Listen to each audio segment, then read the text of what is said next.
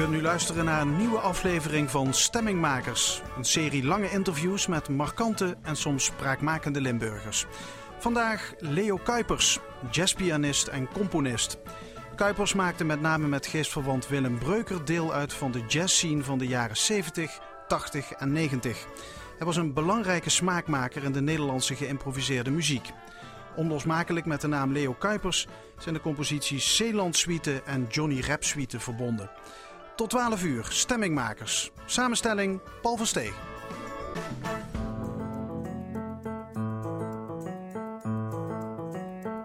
Ik had zelfs een vleugel, die heb ik niet meer. Ik speel überhaupt niet meer, maar ik bedrijf de hoogste vorm van muziek maken en dat is naar muziek luisteren. En dat uh, met vrijwel dezelfde intensiviteit en uh, met vallen en opstaan zoals piano spelen of componeren uh, gebeurt. Dus het is niet een soort recreatie, maar het is werk. Moeilijke muziek leren begrijpen. ja, verbanden zien. Het is een wetenschap naar muziek luisteren, een kunst. Maar je raakt de piano dus niet meer aan? Nou, er is één uh, vergelijkbaar uh, iemand, dat was meneer Celsi, graaf Celsi. Die was een componist en die op een gegeven moment is hij meer uitgeschreven, heeft het gepresteerd om 16 jaar lang, iedere keer als je langs de vleugel liep, alleen maar de D aan te slaan. En dat vind ik een mooie ambitie. En ik doe dat tegenwoordig ook, maar het is meer om mijn vriendin te waarschuwen dat ik aankom als ze in de keuken bezig is en zegt: Kom je eten? Dan weet ze niet of ik kom, omdat ik meestal op sokken door het huis loop. En dan sla ik een toon op de piano aan. En dan weet ze: Nu kunnen de aardappeltjes naar de tafel.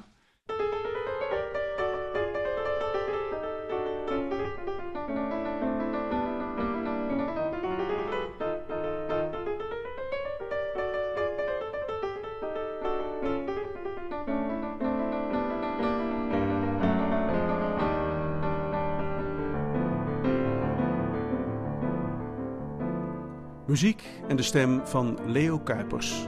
Als pianist en componist heeft hij een bruisend leven achter de rug. Nu is hij muzikant in Rusten in een tussenwoning in Maastricht. De stad waar hij woonde tussen zijn jeugd en jongvolwassenheid. De dagen van Leo Kuipers worden nu met name gevuld door wat hij zelf stringent achter de geraniums zitten noemt. Zijn zwakke gezondheid dwingt hem vooral thuis te blijven.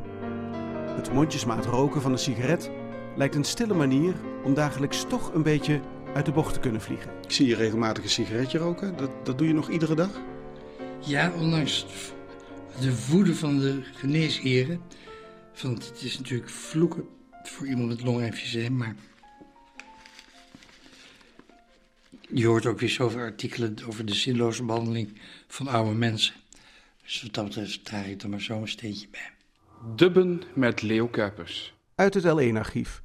Een uitzending van 4 november 1971. De parabel van de vos en van de leeuw, oftewel in een bronsgroen eiken studio.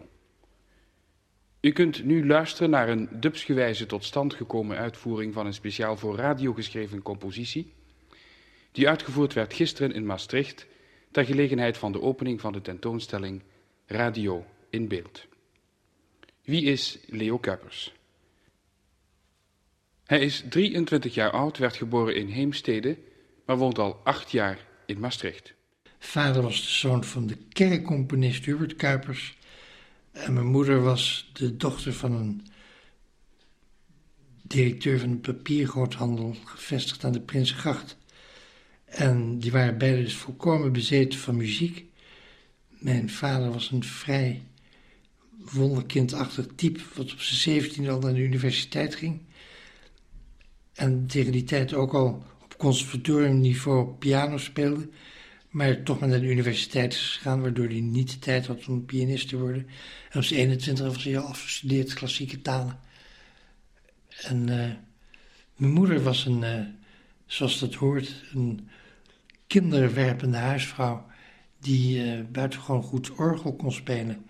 Dus er werd vele muziek gedaan. Zeg maar dat het een muziekfamilie was. En wat voor gezin hebben jouw ouders neergezet? Zes, uh, zes kinderen die uh, redelijk zeg maar, op een bepaalde manier dysfunctioneel zijn in die zin van wereldvreemd waren opgevoed. Omdat we vrij ruim in de middelen zaten en mijn moeder van een nog veel bemiddelder gezin kwam, wisten wij niet wat geld was eigenlijk. Dus wij hebben allemaal nooit geweten wat een brood kost of wat, wat, het, wat het leven kostte. Allemaal vrij onvoorbereid de markt opgegaan, de wereldmarkt opgegaan. Omdat dat bij ons nooit speelde. En uh, andere welgestelden, die deden niks anders dan hun kinderen opvoeden. Om ook nog veel welgestelder te worden. Maar dat speelt bij ons helemaal geen rol. iedereen die uh, wou wel iets in de kunsten gaan doen. En dat was eigenlijk het palet waaruit gekozen werd. En uh, de kreet van, kan je er later van leven? Dat, dat werd niet gesteld omdat het niet bij ons opkwam omdat we alleen maar mensen kenden die allemaal het deden, dus daar kennelijk ook van leefden. Het was bij ons een, een, een, een open huis altijd. Er heerste een grote vrijheid van wat we mochten in huis. De zigeuners van de buurt waren wij. Leg eens uit. Ja, omdat uh, die, de rest van die straat die, die was meer gevangen in de sociale, de sociaal dwangbuis de president van de bank, die woonde naast ons of zoiets. En er waren allemaal uh, mensen die hadden status. En daar trokken wij ons helemaal niks aan. Doordat mijn moeder nogal ernstig rijk was, hebben we een buitengewoon mooi huis in Heemstede gekocht. Maar mijn vader was, gewoon leraar klassieke talen. Dus dat, dat, uh, dat, die verkeerde niet in, in een old boys network of zo. Kuipers is een jaar of negen als het gezin van Heemstede naar Maastricht verhuist. Een ingrijpende verandering van omgeving voor het hele gezin. Ingegeven door gezondheidsproblemen bij de moeder van Leo. Mijn moeder had buitengewoon last van astma. Of nog iets anders wat de longen bedreigde. En er werd er ernstig, en ze had last van reumatiek. En de huisarts die raadde haar droge lucht aan. Alhoewel, er lijkt nog een reden te zijn. Reden 2 onderaardse reden, vermoeden de kinderen, was mijn moeder bang voor de verderfelijke invloed van Amsterdam en de Randstad in het algemeen op de zielenheil van haar kinderen. Dus ze wou, die, dat vermoeden wij, haar ook weg, ons ook weg hebben uit eh, de actieradia van de Sodom en Gomorra's Amsterdam en Den Haag, weet ik veel wat. Dat denk ik nooit, nooit, nooit gevraagd of dat ook het geval was? Uh, dat kwam in familieruzies wel eens naar, naar buiten geboden. Maar mijn moeder kon overtuigend uh, uh, reuma-patiënt spelen.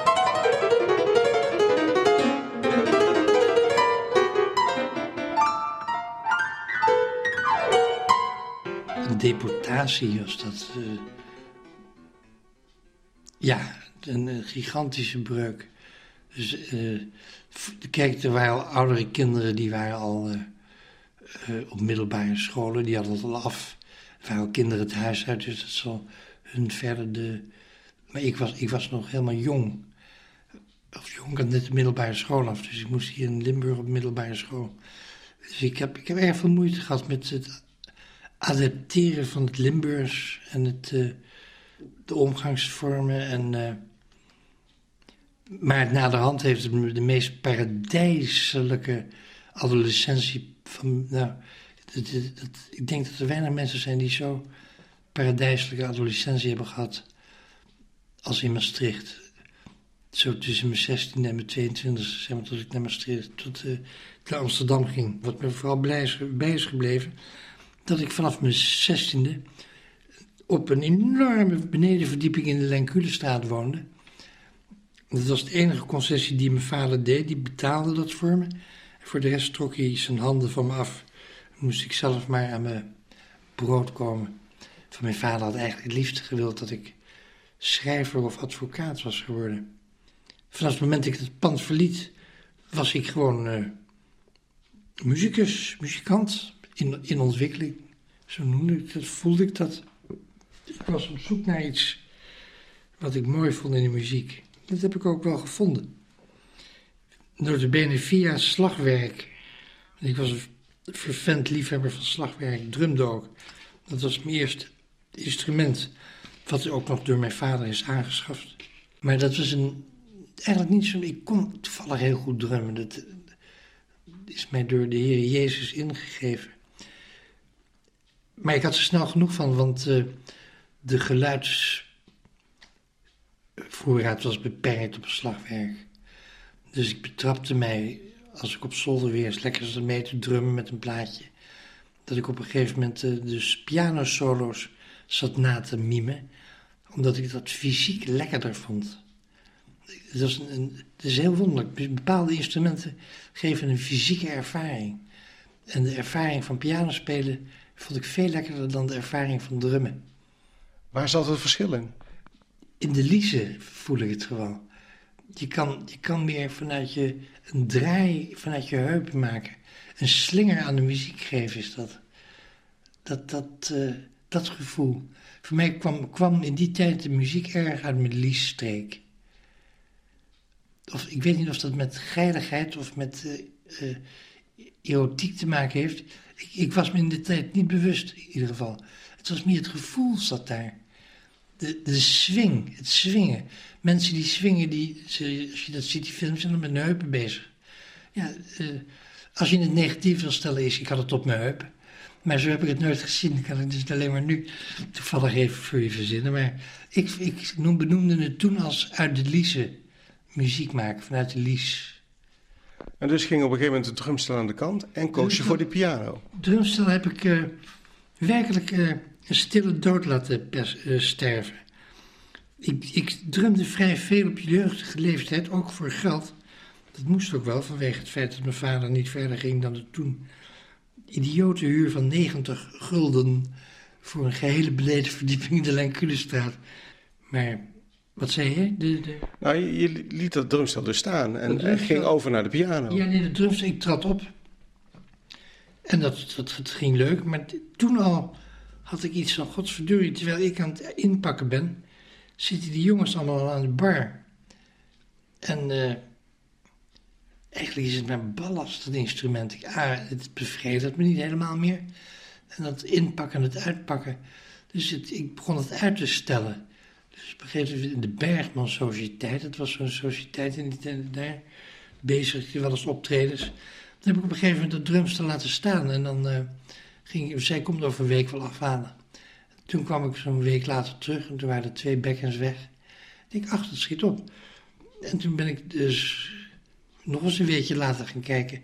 Nou, ik geloof dat ik op een gegeven moment uh, één snare drum heb overgehouden. En die heb ik toen maar aan iemand geschonken. Maar, en in die, in, die over, in die tijd ben ik gewoon ja, organisch overgegaan op alleen nog maar op de piano spelen. Maar hoe ben je dan uiteindelijk eh, zo bedreven geworden in je pianospel? Het volkomen zelfstudie met een techniek die helemaal nergens op slaat. Want ik ben een verwoed roker en ik heb een vrij ontzagwekkende snelheid op de piano ontwikkeld. Maar dat heb ik, is me gelukt met één sigaret in mijn hand. Dus ik gebruikte mijn linker twee vingers nooit, want die, die moest ik mijn sigaret mee vasthouden. Ik, ik volkomen onorthodoxe speelstijl. Dat, uh, die, uh, als een normale pianist dan kijkt, die krijgt acute migraine aan zijn vingers, zeg maar. Dat, uh, maar dat, dat, heeft, dat heeft me wel eens in de weg gestaan als ik ordinaire loopjes moest spelen. Van die ordinaire loopjes, die speelde ik nooit, arpeggios. Dat kan ik nog steeds niet. Van die riedels, dat, dat is zoiets wat niet van mij is.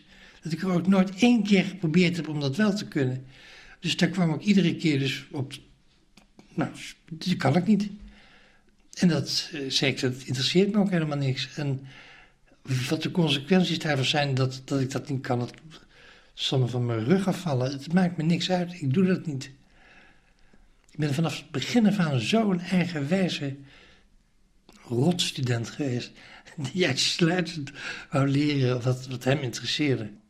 Je vond het conservatorium uiteindelijk geen uitdaging, hè? Vreselijke, vreselijke... Dat, nog ineens die muziekstudie niet, maar de leerlingen die er waren. De totale gebrek aan interesse in, in, uh, in muziek in feite.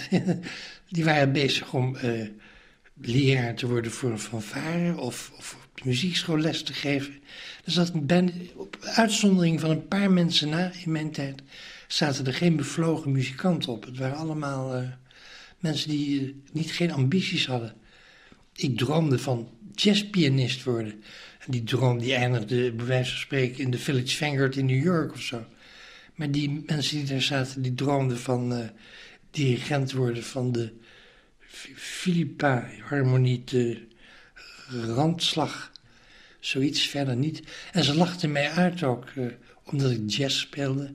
Omdat ik in die tijd hele avant-gardische klassieke muziek al begon te spelen, te improviseren. Dus die dachten allemaal dat ik gek was, echt werkelijk gek was. Waar komt dat vandaan, dat dwarsen? Helemaal van mezelf. Want uh, mijn vader was niet dwars. Mijn, de Kuipers hebben geen dwarse genen, de Smitten ook niet. Helemaal niks. Uh, ik durf zelfs beweren gewoon de wereld lag dwars, ik niet. Mijn omgeving lag dwars. Naar wat ik wou. Wat ik wou was, is, doodnormaal. Nieuwe muziek maken. Maar dat werd me aan alle kanten werd dat, uh, geblokkeerd en verhinderd. Dus dan, eigenlijk is het vrij stupide om mij dwars te noemen. Die andere wereld was niet in beweging te krijgen. De wereld die mij omringde op dat moment, ik heb het niet over de wereld.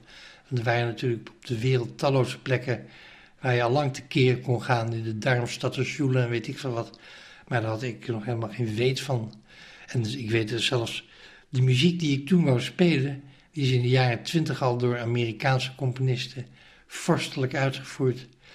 Maar daar had ik in die tijd nog geen benul van dat dat al bestond. En die omgeving van jou die was wat weer barstig. Uh, dat, dat brengt normaal mensen wel aan twijfelen. Bij jou dus blijkbaar niet.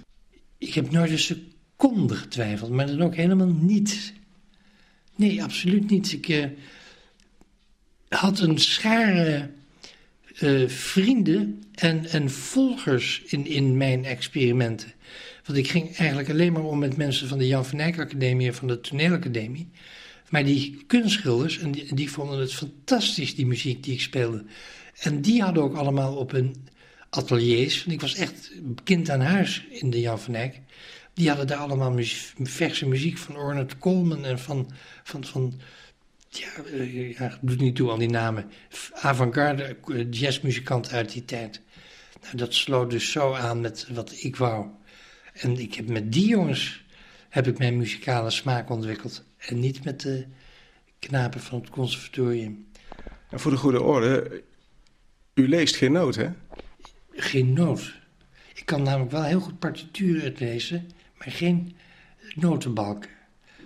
Hoe komt dat? Ik ben, uh, ik heb een dyslexie. Ik kan het, uh, ik geloof de, de ruimtelijke ordening van vijf notenbalken is mij vreemd. Ik uh, heb nooit geloofd of dat ik tel iedere keer of er wel vijf waren. Het zei me niks dat er ook zes of zeven kunnen zijn. Ik kon geen enkele relatie leggen met de, ja, die vertaling van die aantal balken en de, de schaal die dat omdat het voor mij zo willekeurig was dat ik echt verwachtte dat een andere componist zou zijn van ik schrijf een zes. En dat, dat is dan voor mij even geldig geweest. Dat, hoe, hoe, speel je dan een stuk van een ander? Ik heb bijna nooit stukken van een ander gespeeld. De stukken die ik. Uh, de enige, het enige orkest waarbij, of de, enige band waarbij ik muziek van anderen heb gespeeld, was de, het Willem Breuken collectief. En die lieten op enkele niet te overkomen passages na, die voor mij ook echt uh, brekers, benenbrekers waren, uh, liet hij me bijna zelfs de pianopartijen invullen. Of als het heel moeilijk was, maar het was toch altijd een duivelse herrie met zeven blazers, dan mimde ik me wel door die passages heen.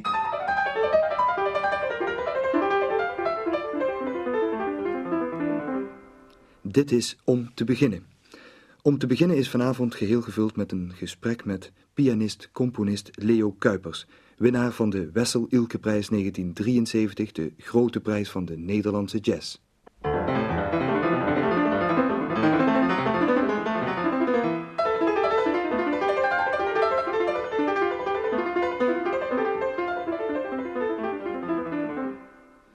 Vind je prijzen belangrijk? Ja, die, zijn, die strelen de ijdelheid bijzonder. Wat dat betreft vind ik ze erg belangrijk. Betekent deze Wessel Ilke-prijs uh, in het bijzonder iets voor jou? Nou ja, het is een, een schijntopje in een carrière. Het is de, de hoogste prijs die je met uh, kunstvorm jazz kan halen. Maar in de praktijk uh, komt het er dan niet op neer dat je alles bereikt hebt. Nee, het, het gaat niet gelijk op uh, de waardering voor zo'n prijs met je maatschappelijke positie of zo. Nee, zeker niet. Je merkt het niet gelijk in de beurs? Ja, je merkt het wel in de beurs. Maar ik geloof dat je ook zonder dat je die prijs krijgt, als je maar hard genoeg doorwerkt, het op een gegeven moment in je beurs kan gaan merken dat zo'n prijs niet per se noodzakelijk is. Heb je naar die prijs toegeleefd? Redelijk, ja. Ik uh, was natuurlijk genoeg geïnformeerd in wat er in jazzkringen gedacht werd om te weten dat ik wel een kansje maakte om die prijs te krijgen.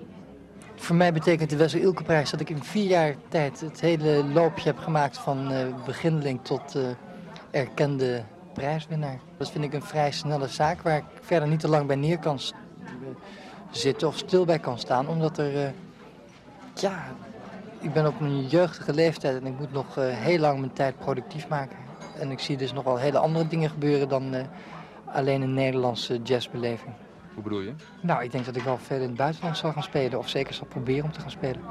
En dat er nog wel uh, dingen gebeuren in mijn loopbaan die belangrijker zijn dan zo'n prijs. Waar je, dat toch niet echt je eigen verdienst is natuurlijk. Hoe is nou het contact met uh, de grote muzici hier in uh, Amsterdam tot stand gekomen? Via, via het Looster Jazzconcours. Was je ineens bekend? Ja, bij de muzikanten wel. Wat gebeurde er toen? Nou, toen ben ik al heel gauw uitgenodigd voor een internationaal festival in Baden-Baden. En daar heb ik Willem Breuker leren kennen en nog andere Nederlanders. Nou, en die lieten me dan overkomen als er een goed betaalde snabbel was, waar de reiskosten ook nog afkomen. Dus zo ben ik er langzamerhand ingegroeid. En nu zit je in het vaste clubje? In verschillende vaste clubjes, ja. Ik heb mijn eigen vaste club. De, waaruit bestaat die? Dat, momenteel bestaat die uit uh, Han Benning, Willem Breuker en soms Willem van Manen en een elektronicus. Want ik werk veel met uh, banden op het ogenblik ook. Loopt het lekker? Of het is lekker lopen. Nee, het loopt helemaal niet lekker. Het is hard werken, maar het, uh, het heeft wel vaart. Maar lekker lopen zal het nooit doen, denk ik. Dat uh, is het de muziek niet voor. Kun jij ervan leven? Ja, ik kan ervan leven, maar dankzij een vrij uh, vreemde levensinstelling die, het me, die het mogelijk maakt dat het me niet deert dat ik bijna geen enkele bezitting heb. Dat ik nooit geld op de bank heb staan, dat ik nooit een huis kan kopen of een auto kan kopen dat ik uh, er geen moeite mee heb om de ene dag in een heel lekker restaurant te eten en de dag daarna een blik uh, zuurkool als enige maaltijd te gebruiken. Daardoor kan ik het, maar als ik een regulair gezinnetje zou willen hebben en uh, regulair zou willen leven, dan zou het misschien nog wel heel anders pakken, dat weet ik niet. Ik kan de eindjes aan elkaar knopen en ik kan de, de beesten uithangen af en toe, wat ook zeer noodzakelijk is natuurlijk. Zijn er naast muziek nog andere dingen die je belangrijk vindt in, in je leven? Uh, jawel, uh, muziek en romantiek, hè? of hoe je het wil uitvertalen tot en met ja, muziek en dames. Eigenlijk zijn het wel de hoofdmoot voor mij. Opnieuw een fragment uit het L1-archief, nu uit 1973, kort nadat Kuipers de Wessel Ilke-prijs wint voor zijn gehele jazz-oeuvre.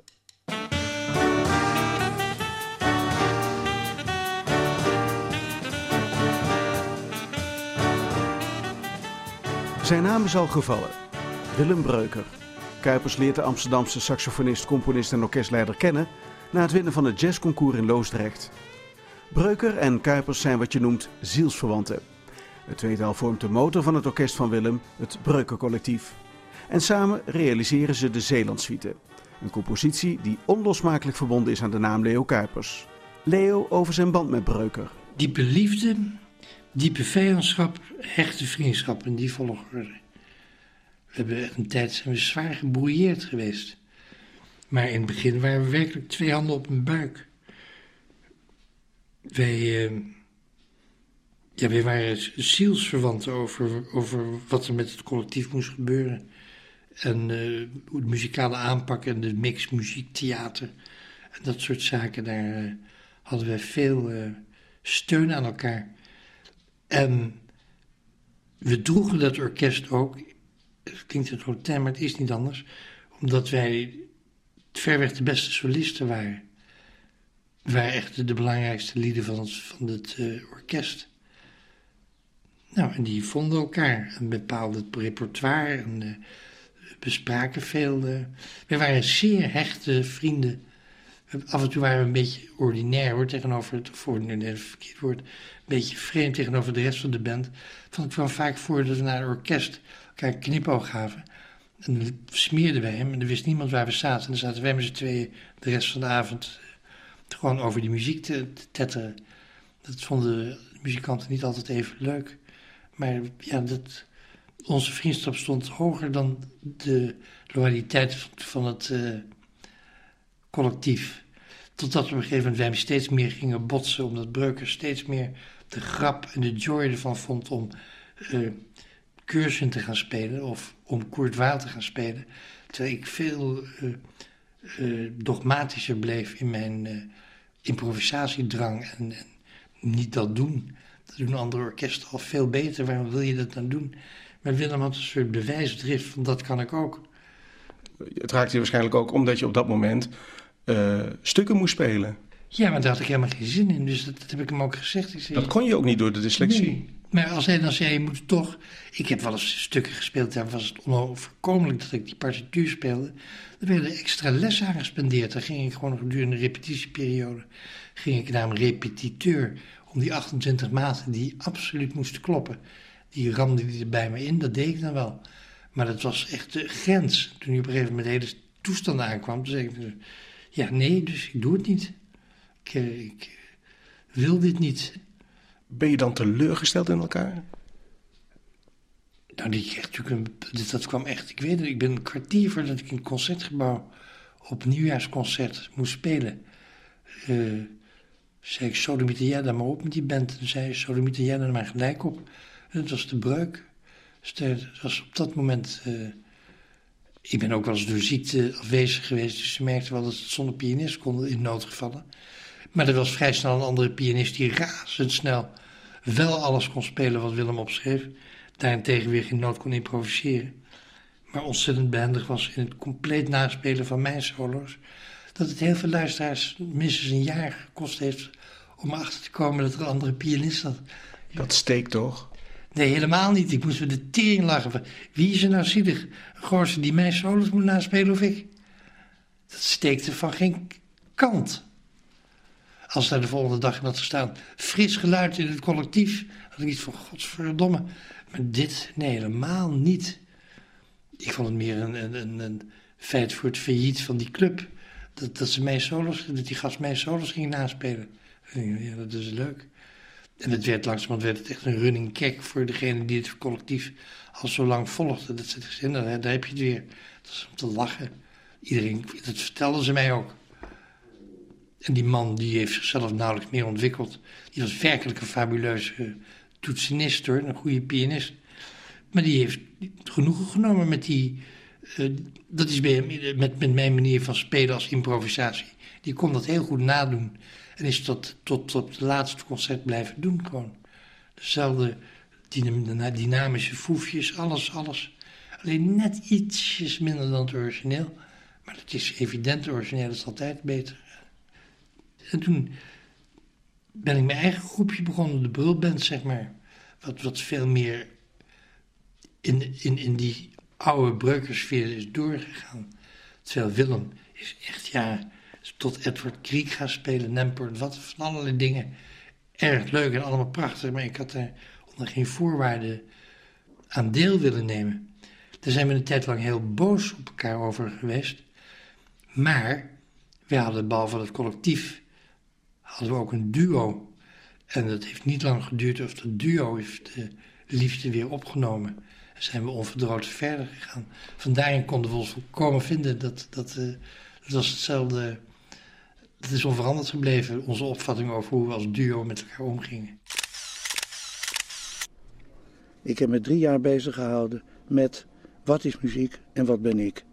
De meeste figuren vragen zich nooit af wat het verband is tussen de frequentie waarmee ze zich afrukken en die waarmee ze de hoge C spelen. Je geilheid en je pretentie en dat delen door je realisatievermogen en dat weer vermenigvuldigd met je ijdelheid.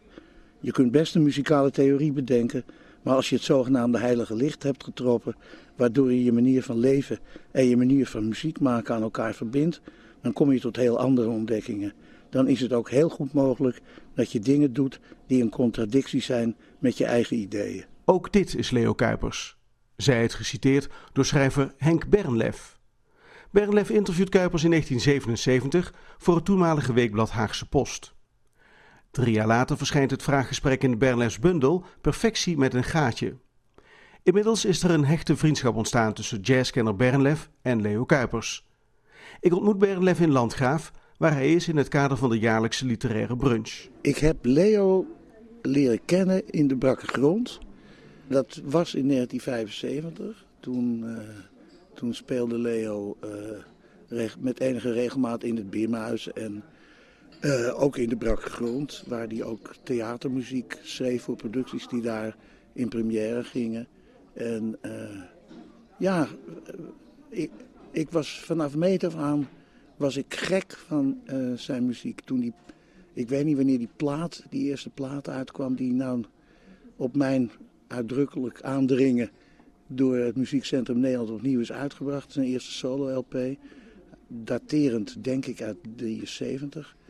Die, uh, nou, die had ik meteen te pakken en uh, ja, ik vond het een manier van piano spelen dat ik dacht, ja, zo zou ik het eigenlijk ook willen. Hè? Wat spreekt u zo aan in zijn pianospel? Nou, de, de, de ogenschijnlijke uh, clash tussen een hele ritmische aanpak... Hè? met de achtergrond. Hij is ooit een keer als drummer begonnen. Dat hoor je ook in zijn pianospel terug. En een ongelooflijk vermogen tot het schrijven van mooie, bijna ouderwets mooie melodieën. En die, die schijnbare dichotomie, dat, dat sprak me aan. Ik vond dat ontzettend interessant. Dus uh, vandaar dat ik was eigenlijk een fan van het eerste uur. En ja, en, en, en Leo was ook een verbaal zeer begaafd iemand. Dus wij konden het in woorden ook goed met elkaar vinden. En kwamen al heel vroeg, kwam ik bij hem thuis in Amsterdam. Hij woonde toen nog in Amsterdam. En dan, uh, dan draaiden wij platen. Hij had een veel grotere collectie dan ik. En uh, nou, uit, dat, uit die middagjes platen draaien is langzaam maar zeker een heel groepje ontstaan van allemaal jazzliefhebbers. Voor een deel muzikanten, voor een deel mensen zoals ik. Uh, amateurs, maar wel liefhebbers. En dat noemden wij de Geheime Jazzclub. En dat is, die is dus eigenlijk opgericht door Leo Kuipers en door mij. En als dan die jazzclub bij elkaar komt, waar hebben jullie het dan over terwijl die platen draaien? Uh, alleen maar over jazz.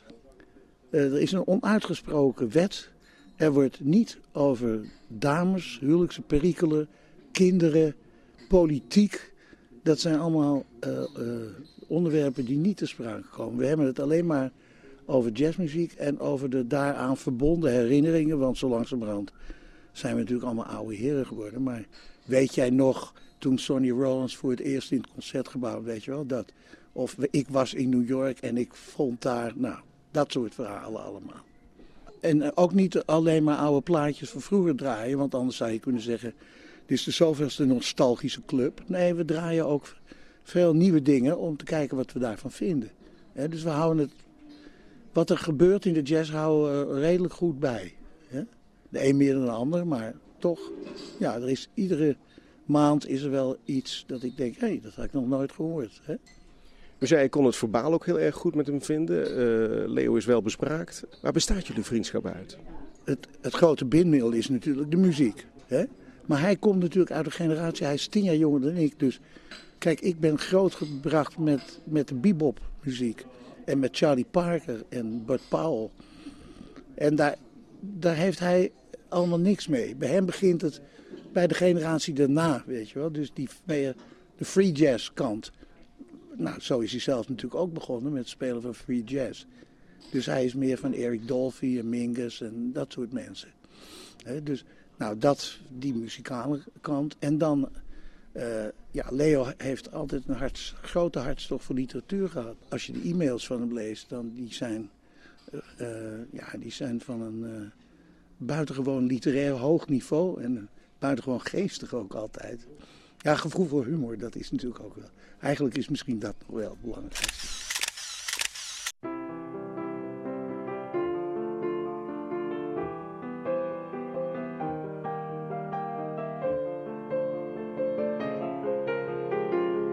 Nog één keer naar dat artikel dat Bernlef over Kuiper schrijft in Perfectie met een gaatje.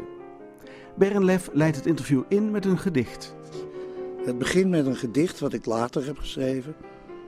En dat gedicht heet Freule Pinaar en dat, dat verwijst naar een, een gelijknamig nummer van Leo. En Pinaar, dat was natuurlijk, uh, daarom is ook wel typisch Leo. Freule, een deftige naam. En Pinaar was ongeveer de meest goedkope wijn die je bij Albert Heijn kon krijgen, weet je wel. Freule Pinaar. Freule Pinaar op de top van haar roem, boven aan de trap. Haar gewaad onzichtbaar. Zij baat in het licht. Dan schiet zij vol, begint te dalen en eindelijk zien wij haar.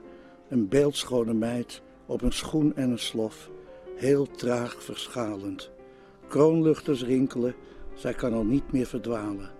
Glijdt steeds verder af in klokrok en panties.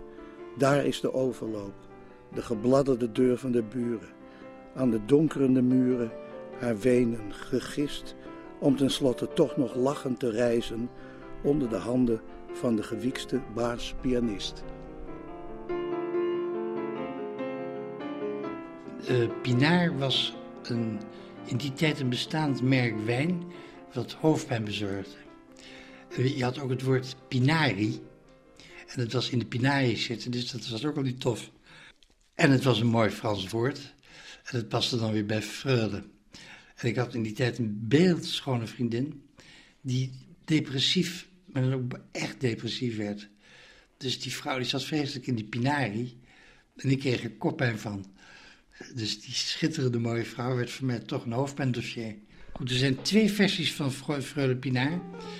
Uh, de eerste is een, een pianosolo, helemaal ja, zou willen zeggen, uitgeschreven, in zover helemaal vastgelegd. Er zit geen noodimprovisatie bij. Het is helemaal doorgecomponeerd. Een tweede versie is uh, enige maanden later opgenomen. En toen uh, waren er meer donkere wolken boven de relatie tussen die dame waar het stuk aan was opgedragen en mij, waren er boven komen drijven. En toen vond ik het nodig om dat Freule Pinaar eh, van commentaar te voorzien. En ook om het te ontmantelen, want het was een veel te mooi melodietje. Wat, en dat ging daar een vrij leven leiden op de radio. Dat ging, dat ging los. Dus ik heb toen. Het is eigenlijk een soort vertraagd ingrijpen. Heeft om dat muziekje alsnog naar zijn malle moer te helpen. En dit was een correctionele tik die ik aandiende. Waar uh, duidelijk merkte dat er al afgronden gaapt onder de illusie van Pinaar.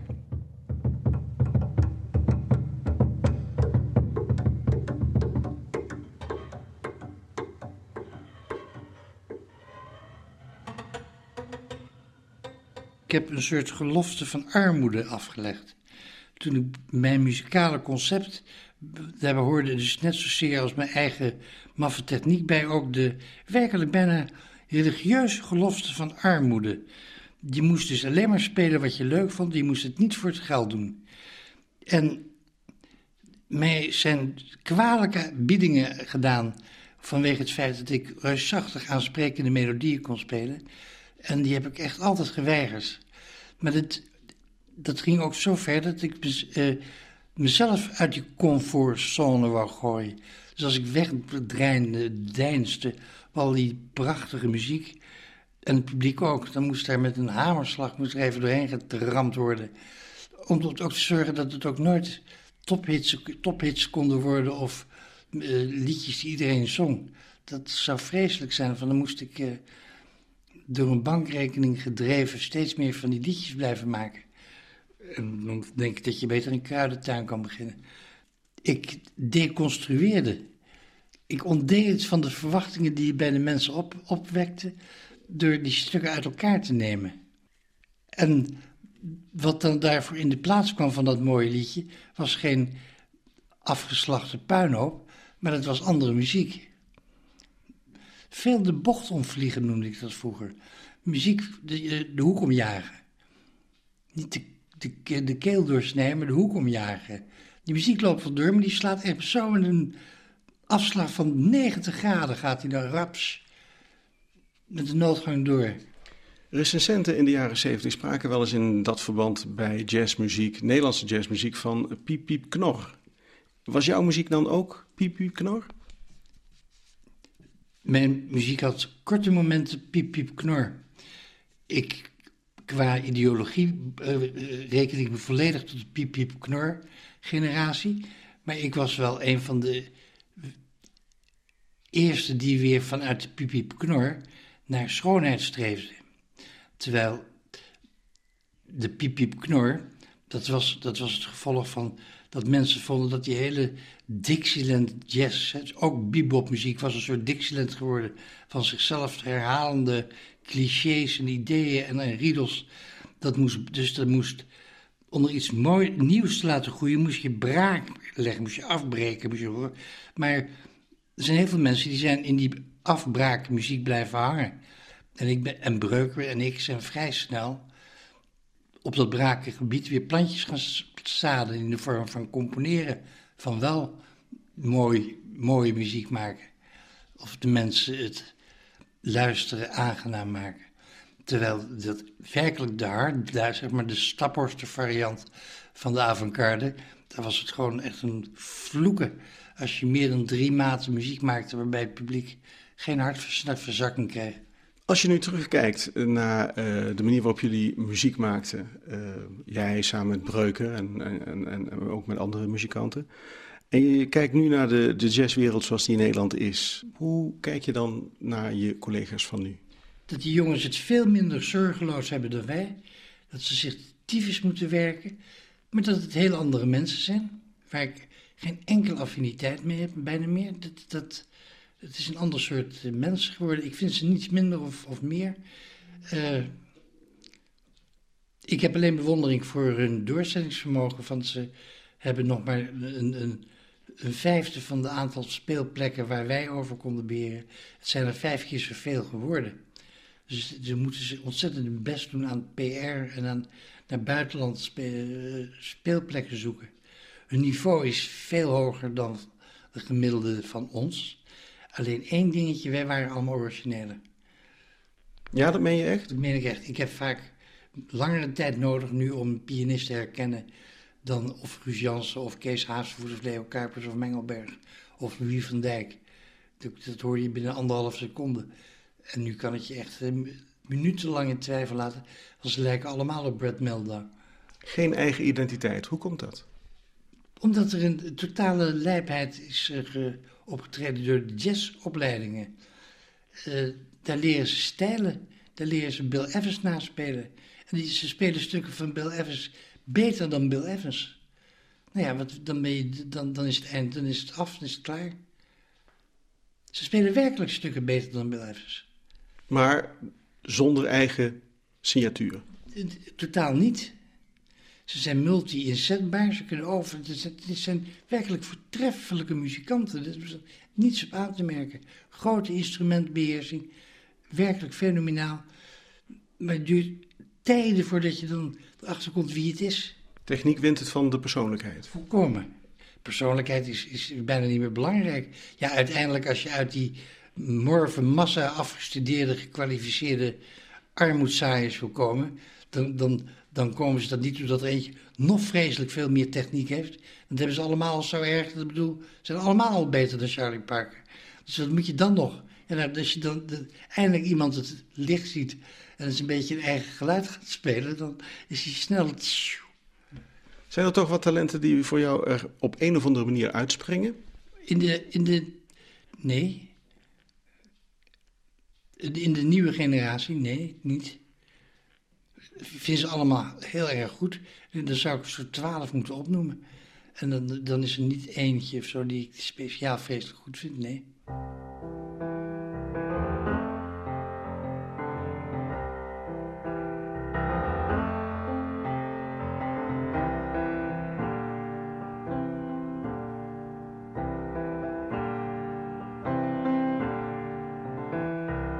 Hij raakt de piano niet meer aan, maar zijn gevoel met muziek laat Leo Kuipers niet los. Ook niet nu hij bijna aan zijn huis gekluisterd is. Nu hij niet meer een concert kan bezoeken en al helemaal niet meer een podium kan betreden. Twee elkaar uh, kruisende zaken, longemfyseem een podiumangst. Gigantische podiumvrees. Ondanks pas een mooi boek over verschenen. Speelt al heel lang een rol hoor bij muzikanten. Maar is ook heel lang een taboe geweest. En je hebt die podiumvrees natuurlijk in allerlei gradaties. Maar het schijnt toch ook dat heel veel orkesten, dat er meer dan de helft gemedikeerd uh, zit op te treden. Maar hoe ging dat bij jou? Kwam dat geleidelijk ingeslopen? Ik heb dat lange tijd bestreden met, uh, met, met drank en met andere zenuwdempers, tussen aanhalingstekens. Omdat er nog geen, niet zoveel wetenschap over was. Dat, dus, dat, dat, daar kon je, met niemand, kon je bij niemand over terecht.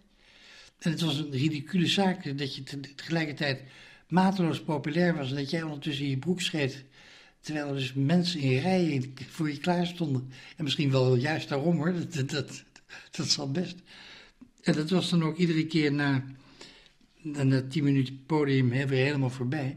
Maar die, de, de, dag, of de dagen daarvoor, zelfs op het laatst, konden slachtingen worden.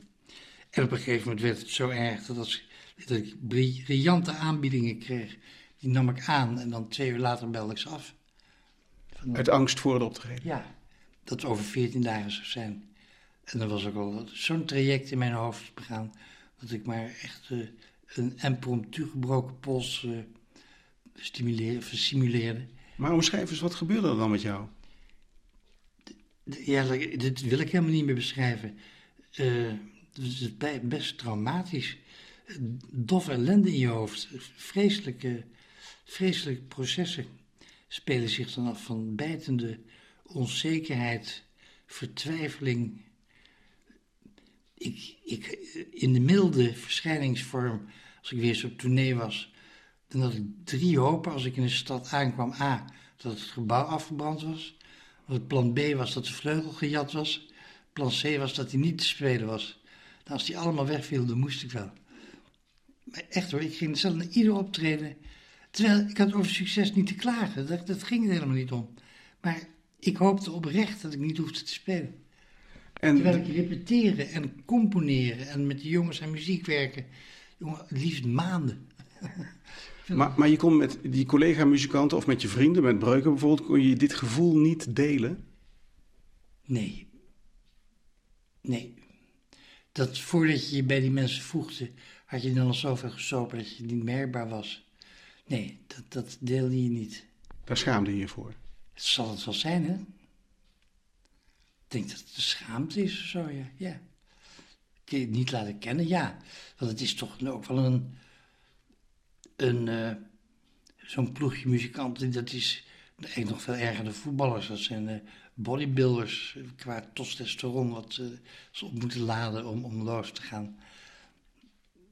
Zeker ja, die, die, die stoottroep uh, muzikanten die wij, of de stoottroepfunctie die wij met onze bands vervulden, kon je niet zwak overkomen, kon je geen zwaktes permitteren.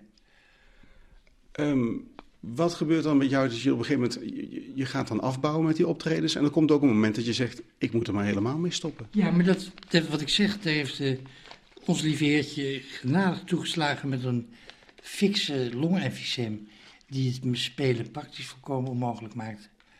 Dus dat, dat werkt prima mee aan mijn plan om niet meer te spelen. Wat doet dat met je op zo'n moment? Wanhopig zoeken van, wanneer ga ik me nou eens impotent voelen? Door dit gebeuren. En dan merken dat het helemaal niet zo is. en dan ontzettend lachen uitbarsten. En dan vervolgens uh, weten hoe, wat een walhalla je voor ogen, voor, uh, voor de boeg hebt. Door heerlijk naar muziek te kunnen gaan luisteren en te kunnen gaan lezen. Is dat de plek die jij Podiumvrees hebt gegeven? Het vooruitzicht dat je nu heerlijk naar muziek kunt luisteren? dat je op een andere manier invulling geeft aan je leven? Het, het eh, Podiumvrees en de longemfyseem zijn samen een reden geweest om niet meer te spelen. En toen heb ik zelf iets ontwikkeld. En dat is, dat is zeg van hoi hoera. Ik kan gaan luisteren en ik kan gaan lezen. En dat, dat, ik vind het het mooiste. Ik zou mijn hele leven wat ik al willen doen eigenlijk. Naar muziek luisteren en, en, en lezen. Is veel leuker dan, dan spelen en schrijven, denk ik. Maar is dat oprecht een gevoel dat je uh, oproept bij de gedachte dat je niet meer kunt spelen? Of is het pragmatisme van Leo Kuipers? Nee, het heeft te maken met de kunst van het verliezen. Mooi, dat is de titel van een gedicht van Elisabeth Bishop. Dat is een schitterend gedicht. Verliezen kun je leren. Dat is een van de eerste dichtregels ervan. Nou, als je dat. Tuurlijk, het zijn allemaal verliezen. Net zo goed als op een gegeven moment dat ik nu niet meer hard kan lopen. Dan kan je, het, kan er wel harder over klagen dan geen piano meer spelen. Ik ben gewoon zwaar ziek. Maar ik heb niet indruk dat ik erg veel klaag of ziek of zielig bij jou ben. Nou, dus is dat ook met de, de kunst van het verliezen. Dat het, uh, strekt zich ook uit tot, tot de lichamelijke ongerieven die ik nu heb. Want ik ben een ziek mens. En hoe zie je je perspectief? Wisselend, kort, kortstondig nog te leven, denk ik. Dat, uh, dat ik hoop dat genadig het hart de eerder begeeft dan de longen. Want het is onplezierig om het steeds benauwder te krijgen. Is dat je grote angst? Nou, ik, ik denk natuurlijk zover laat ik het nooit komen. Dus, maar dat, uh, dat is wel de, de naaste afloop van longemfyseem. Dan stik je op een gegeven moment. Maar ik neem aan dat in 90% voor die tijd bij mensen altijd al uh, maatregelen zijn getroffen. Heb je daar een beeld bij? Van die maatregelen? Ja, een beeld. Het, het beeld van het aflopend beeld. De, het beeld van het beeld wat uitgaat. lijkt me een mooi moment. Dat je dan ook nog de vrijheid hebt om dat beeld te bepalen. Dat lijkt me echt uh, wel het mooiste wat je in je leven kan Maar ja, dan moet je maar afwachten. Je ook net op de wc zit of met een walgelijke poster dan... Dat is natuurlijk ernstig. Maar een mooi stukje blauwe lucht, als dat uh, gegeven is, dan lijkt het me toch wel heel mooi.